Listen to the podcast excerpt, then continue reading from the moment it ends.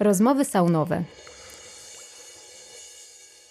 Witam w podcaście Sauna Grow. Nazywam się Natalia Laskowska. Prywatnie jestem żoną i mamą cudownych bliźniaczek oraz szefem swojej własnej kuchni. A zawodowo? Menadżerem do zadań specjalnych. Co łączy te wszystkie obszary? Wyzwania. Na co dzień wspieram organizacje w mądrym rozwoju, buduję zespoły, tworzę i optymalizuję procesy, wspieram motywację i kulturę samorozwoju. Porozmawiajmy o tym w saunie i nie tylko. Cześć. W dzisiejszym odcinku chciałabym poruszyć bardzo ważną kwestię, jedno z podstawowych zadań menadżera, które zdarza nam się trochę zaniedbywać, a mianowicie delegowanie zadań. I chciałabym rozpocząć od takiego małego rachunku sumienia. Zastanów się, jak często wykonujesz zadania, które powinien wykonać ktoś inny? Czy masz wrażenie, że niektóre zadania zrobisz zdecydowanie lepiej niż inni i dlatego robisz je sam? Czy zdarza ci się unikać delegowania, myśląc, że sam zrobisz to szybciej? Jeśli Twoje odpowiedzi są twierdzące, nie przejmuj się, nie jesteś w tym sam. Menadżerowie bardzo często postępują w ten sposób, a potem zastanawiają się, dlaczego mają ciągle tyle do zrobienia, dlaczego muszą pracować po godzinach, dlaczego nie mają czasu na to, co powinno być dla nich najważniejsze, czyli odpowiednie zarządzanie zespołem. No właśnie, zespół. Po to on jest, żeby menadżer nie musiał robić wszystkiego sam. I nieważne, jak dobrym menadżerem jesteś, jak bardzo znasz się na swojej pracy, jakim ekspertem jesteś w swojej dziedzinie, nie jesteś w stanie i nawet nie powinieneś robić wszystkiego sam. Jeśli robisz wszystko sam i nie zlecasz swoim pracownikom zadań, to nie ma mowy o zarządzaniu zespołem. A jeśli nie zarządzasz zespołem, to czy w takim razie faktycznie jesteś menadżerem? I oczywiście są zadania, które jako menadżerowie musimy zrealizować sami, ale dla nas, menadżerów, co powinno być najważniejsze? Najważniejsze powinno być osiąganie celów, celów zespołowych, a przez to również biznesowych.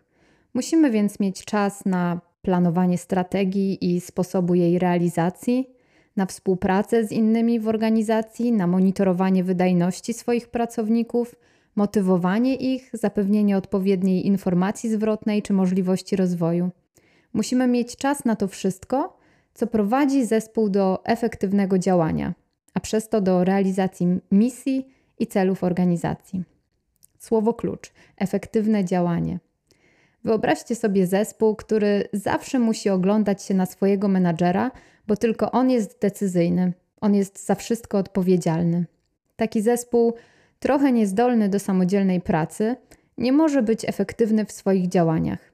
Jeśli o wszystkim decyduje jedna osoba, nie sposób adresować wszystkich wyzwań tu i teraz, więc zawsze będziemy z czymś spóźnieni. A jak się czują członkowie tego zespołu? jaką mają perspektywę rozwoju, jak szybko zaczną szukać nowej pracy z innymi, większymi możliwościami dla nich samych. A to nasza odpowiedzialność, żeby dbać o rozwój swoich pracowników, żeby być w stanie w pełni wykorzystać ich potencjał.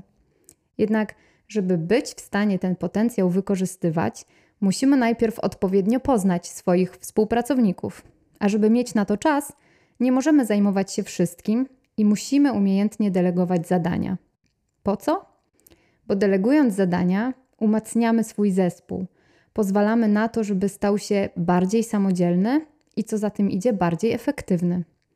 Poza tym, delegowanie odpowiedzialności to taka mocna deklaracja dla naszych pracowników o tym, jak bardzo im ufamy, jak kompetentni i cenieni są zarówno dla nas, jak i dla firmy.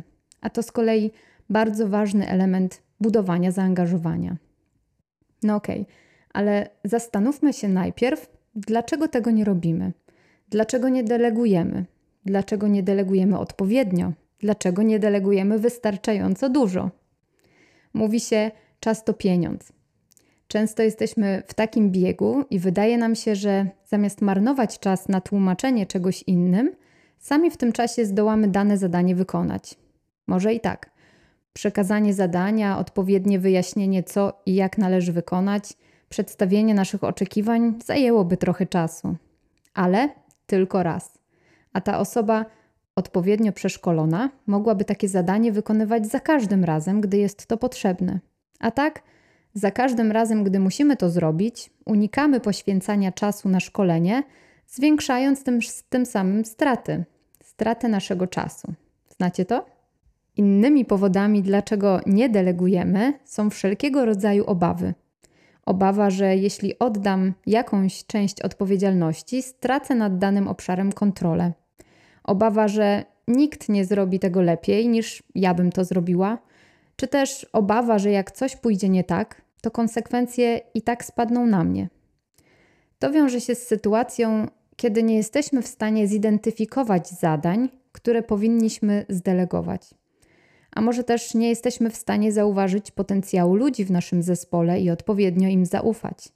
Myślimy, że wszystko jest na tyle ważne, że musimy zająć się tym sami. A to nieprawda. W pracy każdego menadżera są zadania, które musimy zrobić sami, ale i takie, które musimy zdelegować. Dlatego delegujmy świadomie i w odpowiedni sposób. W odpowiedni sposób, czyli jak? O czym musimy pamiętać?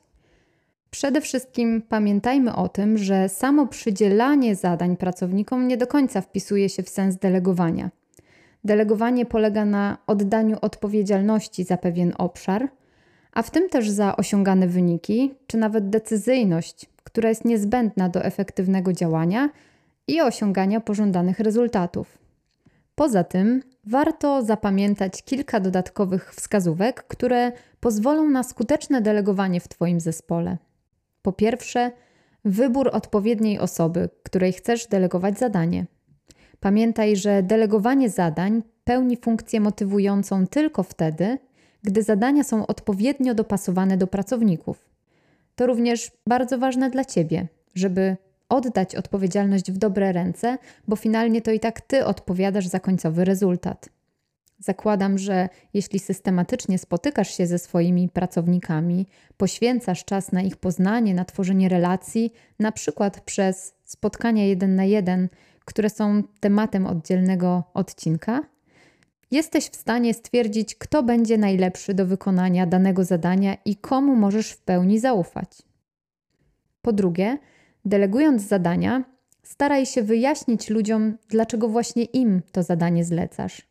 Postaraj się, aby delegowanie kojarzyło się nie tylko z dodatkową pracą, ale także z możliwością rozwoju, z możliwością nabywania nowych umiejętności, a z czasem może również awansu. Po trzecie, przy delegowaniu zadań bardzo ważne jest też umiejętne przekazywanie oczekiwań. Skoro też delegujemy odpowiedzialność, starajmy się oczekiwać rezultatów, a nie wymagać zrealizowania zadań w konkretny sposób. Nie narzucajmy z góry sposobu działania, myśląc, że przecież my zrobilibyśmy to tak i tak na pewno byłoby najlepiej. Przedstawmy cel i oczekiwane rezultaty i to właśnie z nich rozliczajmy pracownika. Po czwarte, pamiętajmy, że jesteśmy po to, żeby naszych pracowników wspierać, żeby zapewnić im odpowiednie narzędzia i zasoby do zrealizowania zadania. Jeśli niezbędne jest szkolenie, Zapewnij je swojemu pracownikowi. Jeśli nigdy wcześniej czegoś nie robił, pokaż mu, jak to zrobić. To w Twoim interesie jest, żeby pracownik odniósł sukces. Bo nie ma nic gorszego niż menadżer, który deleguje zadania, a następnie obwinia pracownika, gdy coś pójdzie nie tak. To Ty jesteś tu po to, żeby czuwać, żeby dzielić się informacją zwrotną, żeby nakierowywać pracownika, jeśli idzie w złym kierunku. I to kolejna Piąta, bardzo ważna wskazówka. Nie jesteś po to, żeby mikromanagementować, czyli przejmować kontrolę. Właśnie tym różni się delegowanie. Oczekuje konkretnych rezultatów i daje swobodę realizacji. Nie dyktuje kto, co, kiedy i dlaczego. Pozwalam swoim pracownikom na własne przemyślenia i podejmowanie własnych decyzji na temat tego, jak najlepiej wykonać dane zadanie. I na koniec może oczywiste, choć czasem niełatwe. Dzieląc się feedbackiem, pamiętaj o okazaniu swojej wdzięczności, zwracając uwagę na to, co pracownik zrobił dobrze lub nawet bardzo dobrze. Takie szczegóły pomagają w rozwijaniu tego, co prowadzi nas do sukcesu. Jeśli po wysłuchaniu tego, co do tej pory powiedziałam, zastanawiasz się, no dobra, ale od czego zacząć? Przede wszystkim zacznij od zrozumienia, że delegowanie zadań jest znacznie efektywniejsze niż robienie wszystkiego samemu. Twój czas nie jest z gumy, nie możesz się też rozdwoić, ale możesz wykorzystać zasoby swojego zespołu, bo ci ludzie właśnie po to są. Dobrze jest też zdać sobie sprawę, że nikt nie zrobi zadania w 100% tak, jak ty byś to zrobił.